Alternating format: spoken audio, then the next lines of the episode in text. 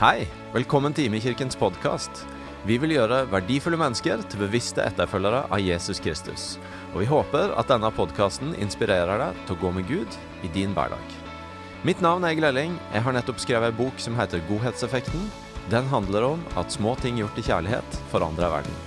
Du kan finne den på imekirken.no slash butikk. Her er dagens tale. Hvis jeg spør dere om hva er det viktigste for Gud Fader å virkeliggjøre i denne verden, hva ville du si? Ja, Nå har du sett temaet, så du har fått svaret. Men det var greit å få svaret før du får spørsmålet. Vi begynner på en ny serie, og for mange så blir det kanskje sånn ja, Guds familie, det var da lite originalt og ikke noe sånn spesielt. Og så har du på et vis tankeapparat på hva det er, og hva det ikke er.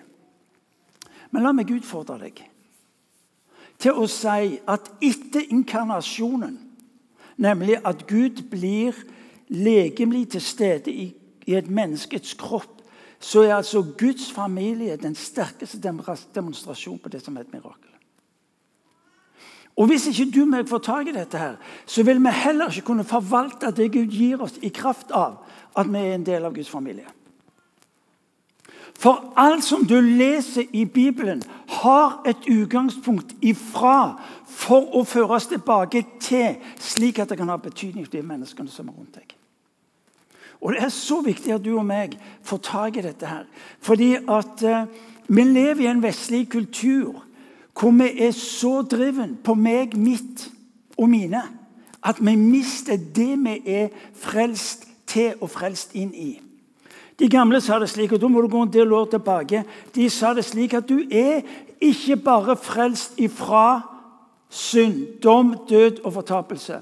Men du er også frelst til Og da er det veldig mange som snakker om at da er du frelst til samfunn med Jesus. Ja, det er tilnærmet sant.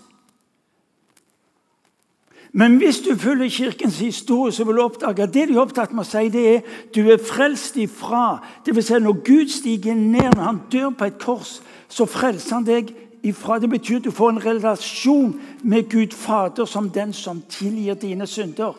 Men du får også, og det må du få tak i, du får en relasjon med Guds familie som er rundt deg. En gang til. Når Bibelen er opptatt med å gi deg evangeliet, så er det ikke bare evangeliet om din frelse ifra et eller annet.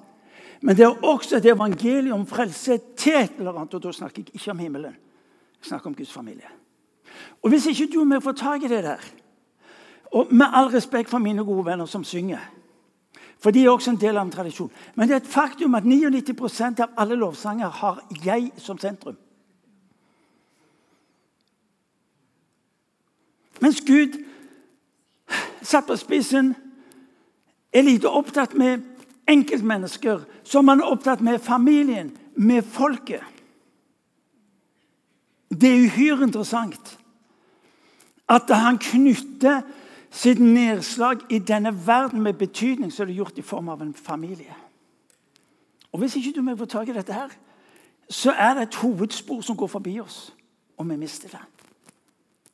For mye av det som er Bibelens budskap, er forankra i at du og meg er blitt ført over fra døden til livet. Det kan vi greie på.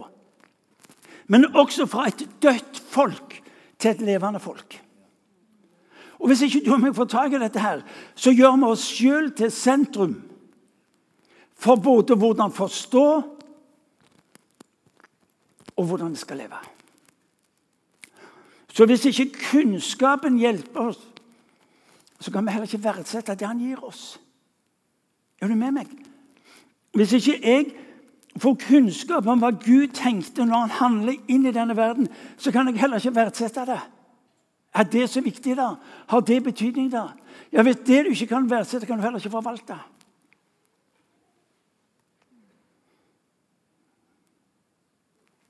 Så langs de linjene der skal jeg prøve å ta dere inn i en type vandring som som jeg tror er viktig for oss. Grådig viktig for oss. Vi har visjon i denne menigheten hvor vi snakker om Guds nærvær, Guds familie og Guds godhet. Altså, Guds familie er en del av vår visjon. Det er ikke noe nytt. La meg gi dere en del av mitt liv. I 1968 så går jeg på en kristen folkehøyskole. Jeg aner ikke bedre hva det går ut på. Eh, men en ting skjønte jeg. Jesus kunne ikke lyge. Dere har hørt det før. Og så en dag så tenkte jeg ja, men hvordan i verden får jeg tak i dette her da?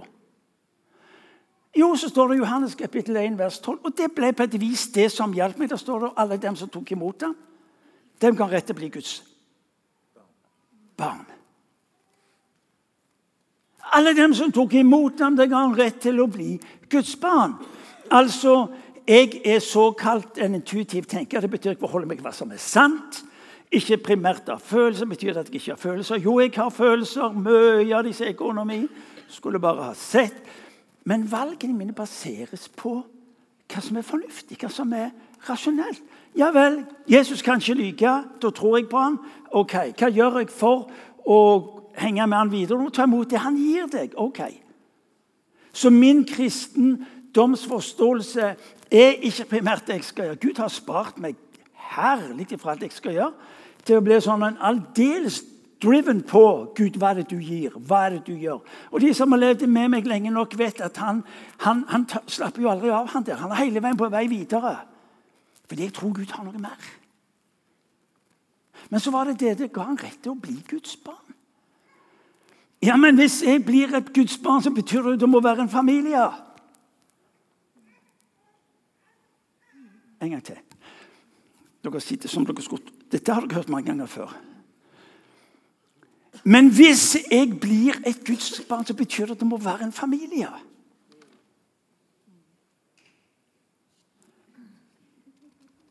Jeg møtte dette da jeg som 18-åring begynte å reise i Øst-Europa. Jeg eh, hørte om et liv, om forfølgelse, om død, smerte osv. Så, videre. så tenkte jeg der jeg vil bety noe, jeg vil bety en forskjell. Så jeg begynte å reise i Øst-Europa, reiste i åtte år. Eh, og møtte altså mennesker som ikke kunne dette regnestykket av hva det kosta, og hva det ikke kosta. De gjorde det de kjente de skulle gjøre, og de gjorde det så lenge at de endte opp i fengsel. Fascinerende. Ja, men Det er ikke noe å snakke om. Det går bra, Martin. Tre år, sier jeg. Du er ikke riktig. Ja, men det går bra. Men så var det én ting som tok meg, og det var dette at de hadde en sånn en drive på å måtte treffes. Altså, det var sånn Altså, ja, Vi møtes i hjemmet. Ja, vi går litt sånn forskjellig, så folk ikke skal se at det er mange som møtes i et hjem. og Så er vi der, og så, og så kan vi ikke synge sangene, men vi, vi, vi, leser de sammen. Og så deler vi liv med hverandre om hva Jesus betyr. i. Men hvis dere gjør det, så kommer jo det hemmelige politiet tar dere. Ja, men det gjør ikke så farlig, det. Det er så viktig i våre liv, derfor gjør vi det. Og så, var det jo det de gjorde over hele linja. Og de sammen, så delte de nattværen, og så du skjønner, vi hører til hverandre. Vi hører til hverandre. Men dere, tenk hvis dere blir tatt. Jeg var hele min opptatt med tegn hvis dere blir tatt. De skjønte jo ikke spørsmålet mitt. Da gikk hjem til kameratene mine i byen så sa jeg, du med. Vi kan jo gjøre hva som helst, vi blir ikke tatt. Vi blir ikke satt i fengsel, noen av oss.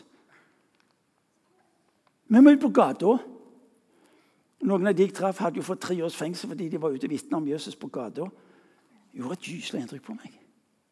Så jeg sa vet du hva, vi må, må komme sammen. Så var vi plutselig en gjeng som, som begynte å henge hverandre. Og så, og så, var vi sammen med hverandre. Det var nesten hele uka. Husker du det, Bodil?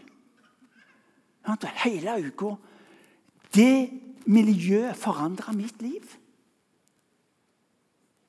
Mitt møte med den forfulgte kirke som ikke visste hva det å telle kostnader. Og så var det dette at mennesker som var de hadde en erfaring om at Gud var steget ned, og, og så fikk vi lov til å være sammen. Helt avgjørende i mitt liv. Av det så sier jeg, Hvis du syns jeg er krevende, så får du gå tilbake til den tida, for det var der det starta.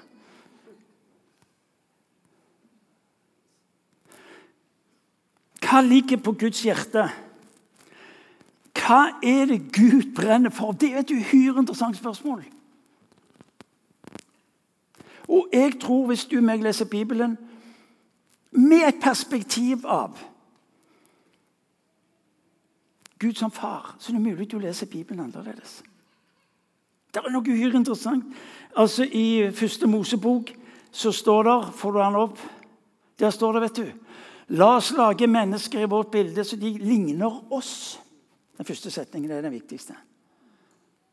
La oss lage mennesker i vårt bilde så de ligner oss. Gud er opptatt med å skape en familie. Han er opptatt med å utvide en familie. Han er opptatt med at de som blir en del av denne familien, skal ligne han. Guds opprinnelige plan folkens, det var å etablere en familie som lignet på Faderen, Sønnen og Den hellige ånd. Det er perspektivet. Det var perspektivet. Det var det han brant for. De gikk tur sammen, leser vi. De snakket sammen. De drøfta navn på dyr og fugler. Det var en underlig relasjon mellom Faderen og mennesket. Videre sa han 'bli mange og oppfyll'. Bli mange og oppfyll jorda. Står det ikke det òg? Ja, kanskje ikke akkurat der på den veggen, men Første Mosebok kapittel 3. Det er Guds engasjement på å etablere familie og utvide familie. Fra tidenes morgen er det det som er beveggrunnen hans for å handle. Og så velger Gud, så velger mennesket å kjøre sitt eget løp. Vender Gud ryggen, ønsker selv å ha makta og styringa.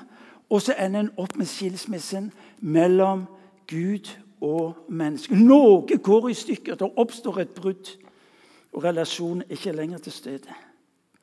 Og så lyder det til deg og meg, men takk, gode Gud, skilsmissen er over.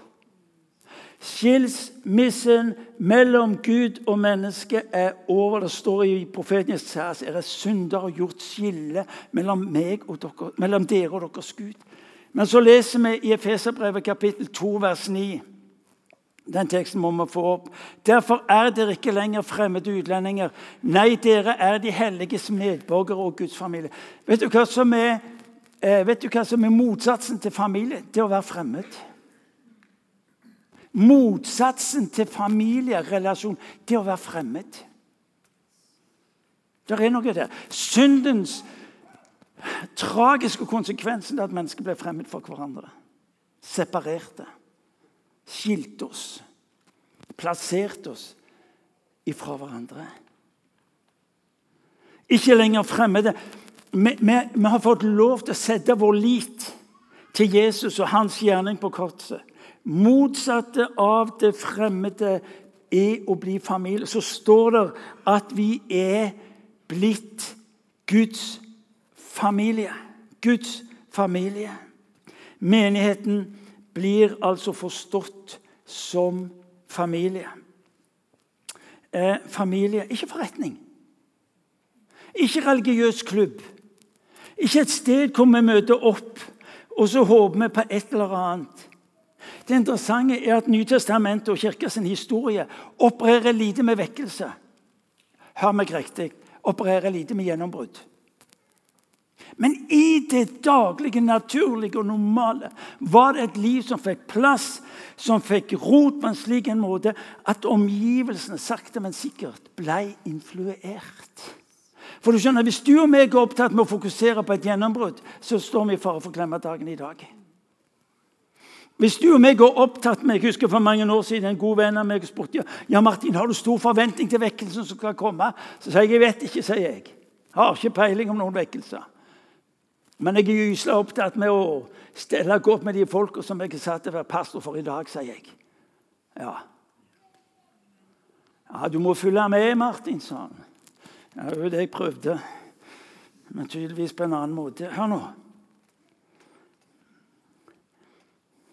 Du kan ikke ha Gud som far uten at du samtidig har kirka som mor. En av kirkefedrene. Cyprian var det som sa det. Du kan ikke ha Gud som far hvis du ikke samtidig har kirka som mor. Det er interessant. Guds familie, det er interessant. Ikke vår. Ikke min familie. Ikke min familie, men vår familie. Guds familie. En stor familie, en relasjonsbasert familie. Altså religion. Kristendommen er en relasjonsbasert religion. Hele forutsetningen for livet i kirka er den relasjonen vi får lov til å ha med Gud Fader og med hverandre. Det er bildet som Gud gir oss. Han sendte ikke en bruksanvisning til deg og meg for et eller annet høyverdig liv. Han kom sjøl. Og når tida hans var ute, så sendte han Den hellige ånd, som skal bli værende hos dere for å gi dere alt det dere trenger til. Bibelen er historien om far, har dere hørt meg si mange ganger. Når du leser gjennom Bibelen, så er Bibelen i realiteten historien om en far som har steget ned. Gud har steget ned. Gud har steget ned for å ha relasjon med deg og meg. For å gjenopprette det som ble gjort. Gud, Gud, er ikke opptatt med nå å skape noe nytt. Gud er opptatt med å gjenopprette det som ble ødelagt. Hva var det som ble ødelagt? Relasjonen mellom Gud og menneske. I en essens er det det han rekker oss. Når Jesus Kristus dør på et kors, så er målet i essens Jo, det er det å tilgi oss våre synder det å ta vår plass i møte med dommen. Men fokuset er å gjenopprette det som en dag ble ødelagt. Familie. Han sånn, jeg skrev det så sier Gud, du kan ønske familien hjem. Og Det er det han gjør ved deg og meg. Han ønsker mennesket hjem.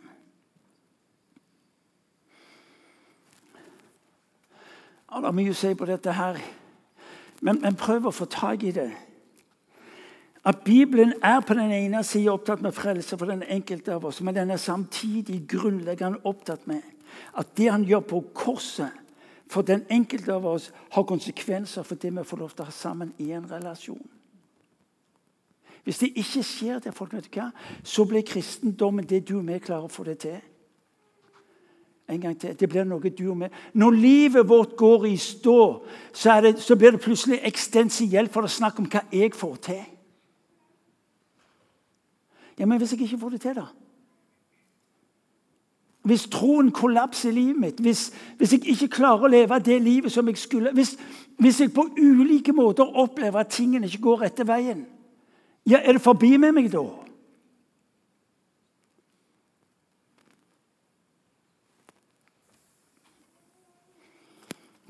Gud for familien. Jeg har sagt om det gikk til helvete med meg, så gjør ikke det så farlig, for det er familien bærer meg. Når din betjeneste får ikke til å tro, så vet du hva? Det gjør ikke så farlig. Familien bærer. Det er bærekraft i Guds familie. Og hvis ikke du må få lov til å hvile i det, vet du hva? så blir livet denne vanvittig krevende balansegangen når jeg ikke får det til. Det er greit når livet er på høyden. Alt er bra. Medvinden er varm og mild og alt det der. Men når livet er vanskelig, når jeg ikke får det til, ja, hva gjør jeg da? Have mercy. Ja, det er en av mine bønner. Have mercy, please. Men om du hadde visst hva det betyr for meg å vite at jeg får lov til å være en del av en familie som når jeg baler med mitt, vil bære igjennom Historien er jo historien om familier. Er du med? Historien vår er jo historien om familier.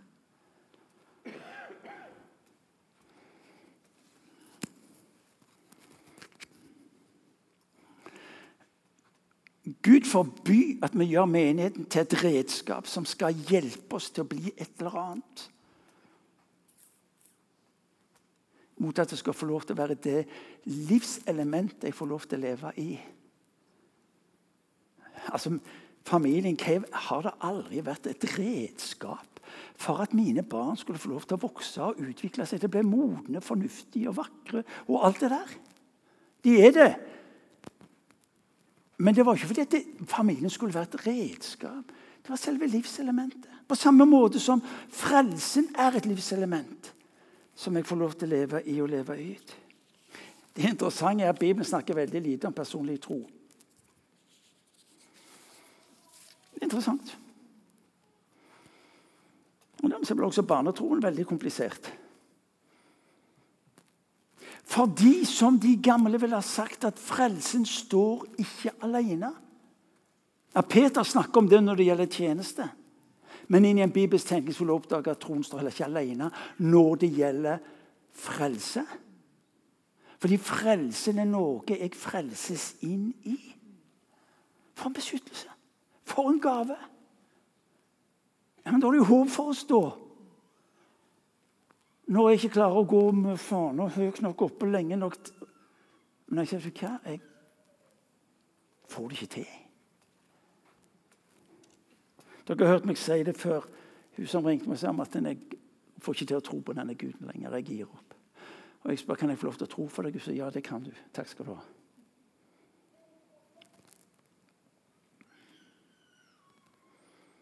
Når du og meg mottar frelse ved troen på Jesus Kristus, får du også et nytt sett med brødre og søstre. Å være en Jesu etterfølger er å bli en del av hans fellesskap. Guds mål for Kirken er nettopp å være dette fellesskapet, familien. En har sagt det slik vi er frelst for fellesskap.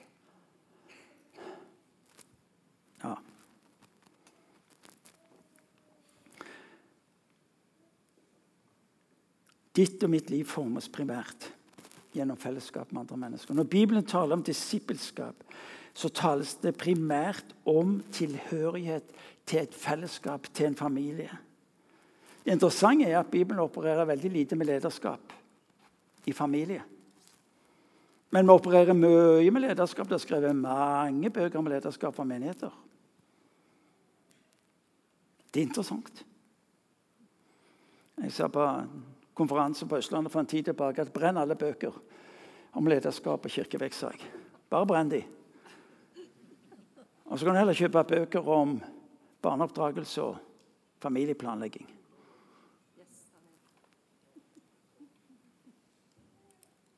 Altså, det reflekterer jo ikke noe annet enn en Vestens måte å tenke forretning og bedrift. Det er jo ikke det. Så jeg spurte Rune Løvda hvem er det som er leder i din familie. altså, det... Eller har du spurt meg hvem som er leder i din familie, Martin? Hvorfor, dette, hvorfor ble dette så viktig? For hvis du har et fokus som reflekterer forretningsdrift, institusjonene Hvis det er det som er fokus og erfaringen din, så er det det du tar med deg inn i menigheten.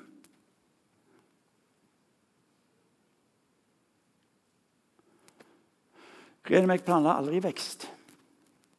Men vi var gyselig fokusert på å gi ungene våre det vi hadde. Det kalles for disippelskap. Det er det dere, dere er eksperter på disippelskap. Vi kaller det for oppdragelse på norsk. Dere er eksperter på oppdragelse. Eksperter på disippelskap. Ja, men Det har jo med Guds familie å gjøre. At du og meg skjønner at det er i det naturlige vi skal få lov til å leve ut det Gud kaller oss til å være. Det er i familien du og meg vokser og modnes. Det mine barn er i dag, det var det de fikk med seg fra familien. Det dine barn er i dag, det var det de fikk med seg fra familien.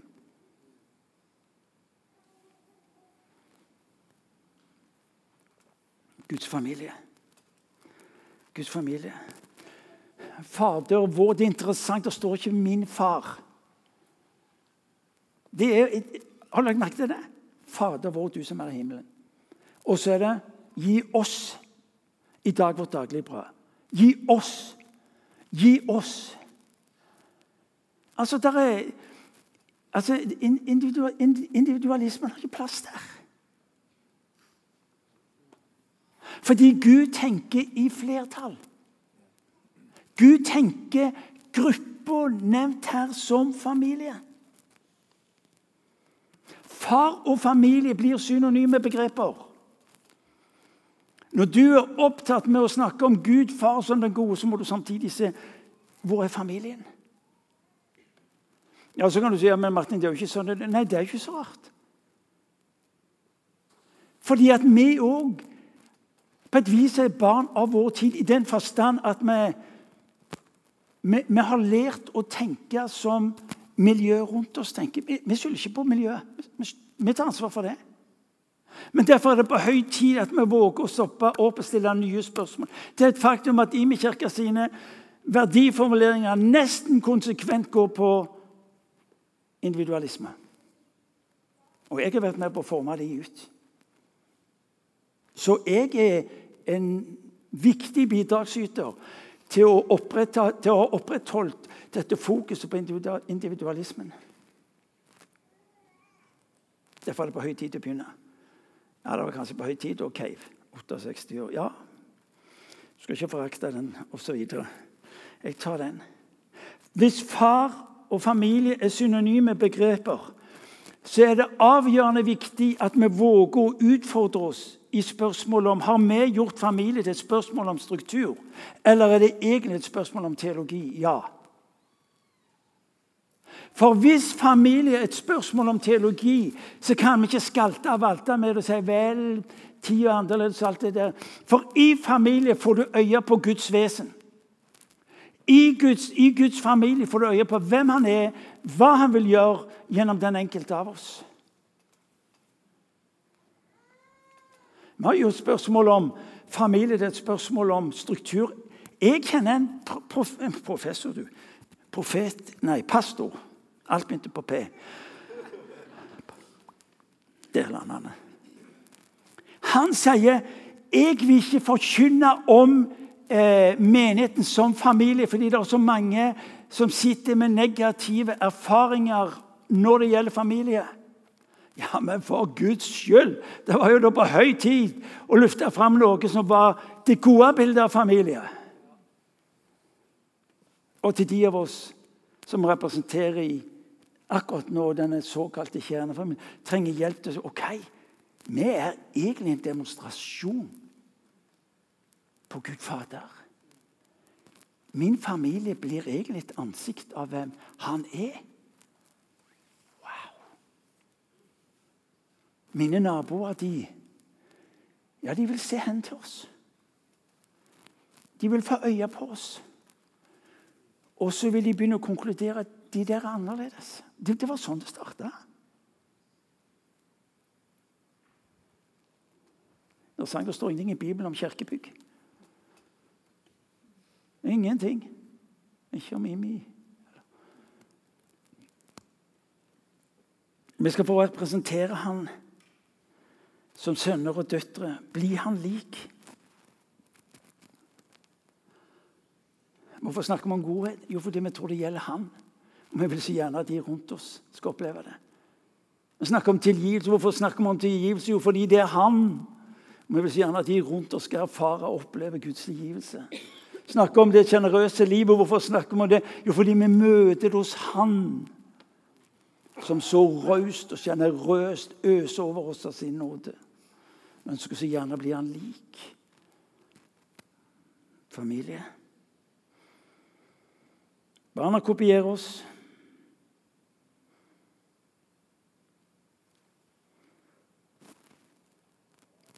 Er dere med meg?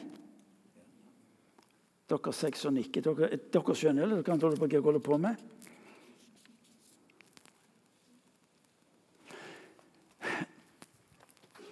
Du skjønner, med vår struktur Og jeg tror at vi kommer til å bevege oss inn i en fase hvor vi er nødt til å se på strukturen vår. Men vår struktur er med på å opprettholde en sånn konsumtenkning.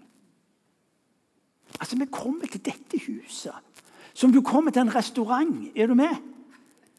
Jeg satt på, Det er jo det. Nei, jeg likte ikke kelneren i dag. Ja, Han så meg ikke. Jeg, eh, jeg, eh, var ikke helt fornøyd med maten. De, den det var litt for mye steikt. Ikke sant? Hva? Jeg ba om noe å drikke, men det var lunke. Jeg, og så begynner vi med denne her sånn. Vi kommer her for å konsumere. Men Du skulle sett meg når jeg kom hjem til Reno, så hun serverte mat. og sa jeg, du, dette vannet var litt lunka. Kan du tenke deg å finne et glass med kaldt vann? Det har du sagt. Finn det sjøl. Men, men, vi kommer her, og så tror vi at Ja, det er jo det vi gjør. Kirka er ikke til for deg, den er til for oss. Som familien er til for oss. Som fellesskap. Vi spør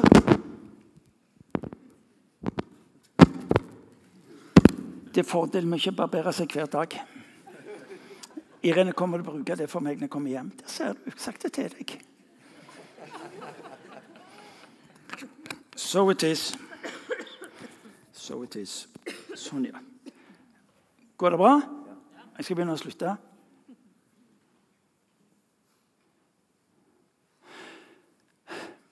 Du ser dette, når, ditt, når din og min forståelse av menigheten er at det er Guds familie, så er det en hel masse ting vi slutter med, og så er det en del ting vi begynner å gjøre. Men, ja, skjønner, det er ikke mitt kall, sier vi av og til. Kall? Det er ingen i min familie som snakket om at det ikke er mitt kall å skulle rydde opp etter middagen. Altså, Jeg har ikke pasjon for Vet du hvem som rydder opp etter middagen hjemme hos oss? Meg! Så lenge vi har vært gift, er det meg som vasker opp og rydder. Og skal si det er så fint. Men hvis du spør meg om jeg har pasjon for det, så kan jeg fortelle ikke i nærheten. Jeg har ikke kall til det engang. Men jeg gjør det. Det ble bare sånn. Her går rundt og så snakker vi om kall og ledelse. Er dere med meg? Vi snakker om familie. Og det er jo nettopp der i dette altså det lite åndelige at vi blir de Gud har tenkt vi skal være i denne verden.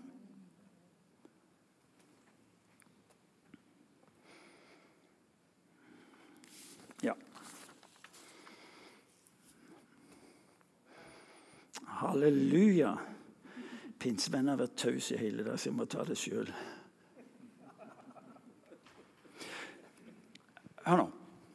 Det sterkeste uttrykk for Guds rike synliggjort i denne verden er når menigheten blir Jesu ansikt for denne verden. Det er ikke snakk om rangering, det er ikke snakk om såkalte ferdigheter. Det er snakk om deg som en del av denne familien.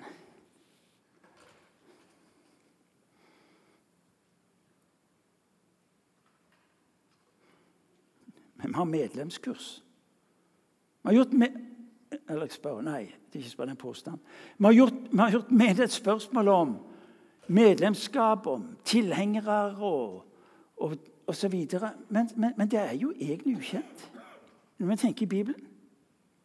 Altså, De gjør akkurat det samme i Rotary. Der snakker dere om medlemskap. Fallskjermklubben òg. Det er faste møtepunkter. Og hvis du, er, hvis du har unger i korps, f.eks. Så jeg vet, Du må være langt mer committa for å ha ungen din i et korps enn, du trenger for å ha i en menighet. Ja. For ikke snakke om disse her, eh, disse her eh, som står og veiver med flagget på fotballbanene. vet du. Supportere kalles det for. De reiser jo land og strand. De er jo ikke riktige. Når, viking, når det gikk godt med vikingnaboen min, han, da fikk han opp vikingflagget, vikingflagget ut fra huset. Og han gikk rundt i vikingtrøya. Og jeg tenkte du er ikke riktig. Ja, Så gikk det jo dårlig med Viking, så da forsvant jo både flagget og trøya. Det kan være medgangssupporter, jeg er enig i det. Men jeg syns det var fornøyelig.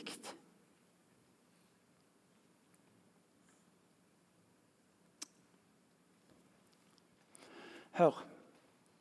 Den største menigheten i Stavanger er Kimi. Den største menigheten i Stavanger er den katolske kirka.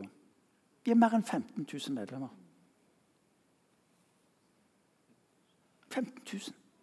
Der kommer de, vet du, vietnamesere og eh, eh, polakker og, og latinamerikanere. Altså de 15 000 mennesker. Hver søndag så pakker de seg inn i dette huset der nede. Ja, familien. Ja, hva er det som binder ut? Det er sakramentene. Og så er det tradisjonen. Jeg skal ikke forakte ja, Katolikkene de vektlegger Ja, ja, vi har ulikt syn på tradisjon, men tradisjonen i familien er viktig. For den sier noe om historien. Og så styres det ikke primært av følelser, men det styres primært hva de er delaktige i. Familien, altså Mine barn Det er et faktum at da Våre barn var mindre, og det var litt sånn hett i huset. Vil si, vi krangla. Vi har krangla mye i vårt hus òg. Ikke engang hørte vi eller så vi at de sa jeg vil ikke mer. Jeg går, kommer ikke tilbake. De trua med det av og til. Men, men neste morgen så satt de ved frokostbord, for de visste utmerket godt hvis ikke jeg smurte matpakken den morgenen, så fikk de ingen matpakke. Er du med? Ja.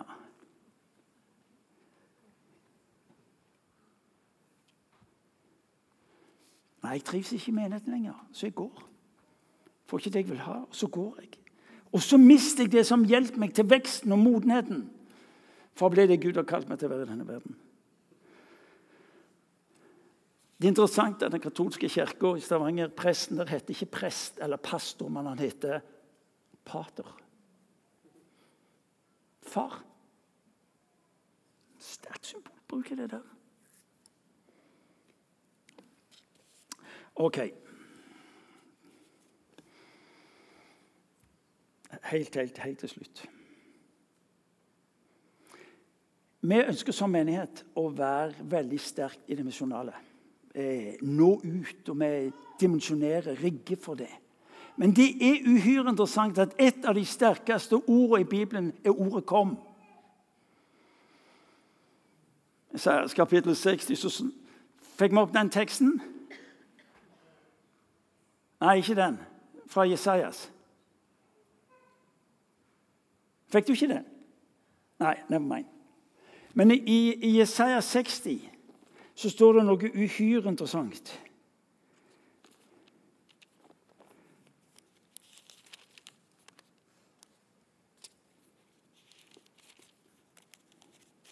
Fra vers 1 til 6. Reis deg, bli lys, for lyset ditt kommer. Herrens herlighet går opp over deg. Se, mørket dekker jorden, skodde dekker folkene, men over deg går Herren opp. Hans herlighet viser seg over deg. Folkeslag skal gå mot ditt lys, konger gå mot din soloppgang.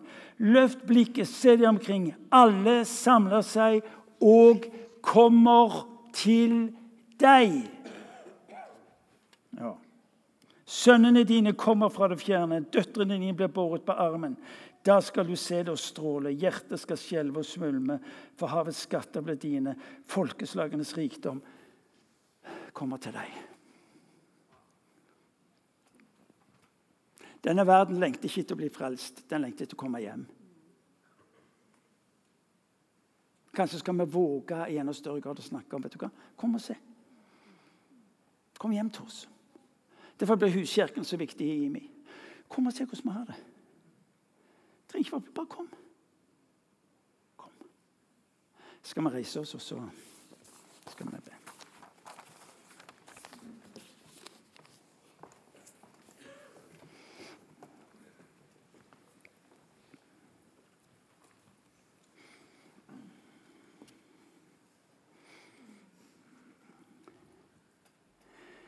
Vi tror at vi som kirke er på vei inn i en prosess hvor dette med å forstå oss selv som Guds familie kommer til å bli sterkere og sterkere. Og så er det et faktum at nøkkelen til denne samfunnsforandring som kirka representerte i de første 300 årene, var knytta opp nettopp til familier. Ikke, kirke, ikke kirkebyggene, men til familien. I disse familiene levde dette gudsrike livet så dynamisk på en måte som verden aldri hadde sett. Vi tror at skal vi lykkes med å få lov til å leve det samme livet, så kreves det også noe av å tenke en, på en annen måte når det gjelder menighet. Den prosessen har vi begynt på. Den prosessen jobber vi i huskirkene. Og så sier vi samtidig vi vet ikke om vi får det til. Men vi har en bønn om og et håp om å se denne menigheten, ditt liv, våre liv, bli det det var tenkt, nemlig eh, Guds familie synliggjort på en slik måte at denne verden vågte å tro at Gud var god. Så det jeg vil be om, det er Vil du være med på denne vandringen? Vil du våge å lese Bibelen jeg vil nesten bare si et nytt perspektiv å lese Bibelen som familie? For at Gud ved sin ånd skal få lov til å gi inn i deg og tenke annerledes. Hvor, han, hvor du skjønner at du er ikke livets sentrum, men Gud oppretta familie slik at du og vi skulle få lov til å vite at det var håp for oss. Både fordi han står fast, men også fordi vi fikk lov til å tilhøre den familien som bar når vi ikke klarte å gå sjøl. La oss be. Herre Jesus Kristus, vi takker deg fordi du tar oss inn i din familie. Ved din død på korset gir du oss også som frelse inn i din familie. Vi ber for om å få lov til å være der. Hjelp oss for det å forstå hva du gjør på en slik en måte at vi skjønner betydningen av det. Slik at vi også kan forvalte det. Herre. Vi ber om det. Far, jeg ber for oss som tilhører dette huset, at vi skal få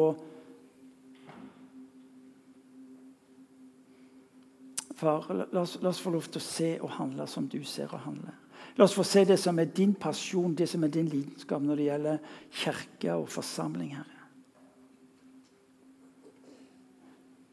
Far, jeg ber om at la oss få lov til å være et hus, en folk, en familie som blir noe mer enn det folk gjenkjenner som en bygning, et arbeid. For jeg ber om det i ditt navn. Hellige, hellige ånd. Kom og gjør din gjerning. Ber om det, Jesus, i ditt navn. Amen.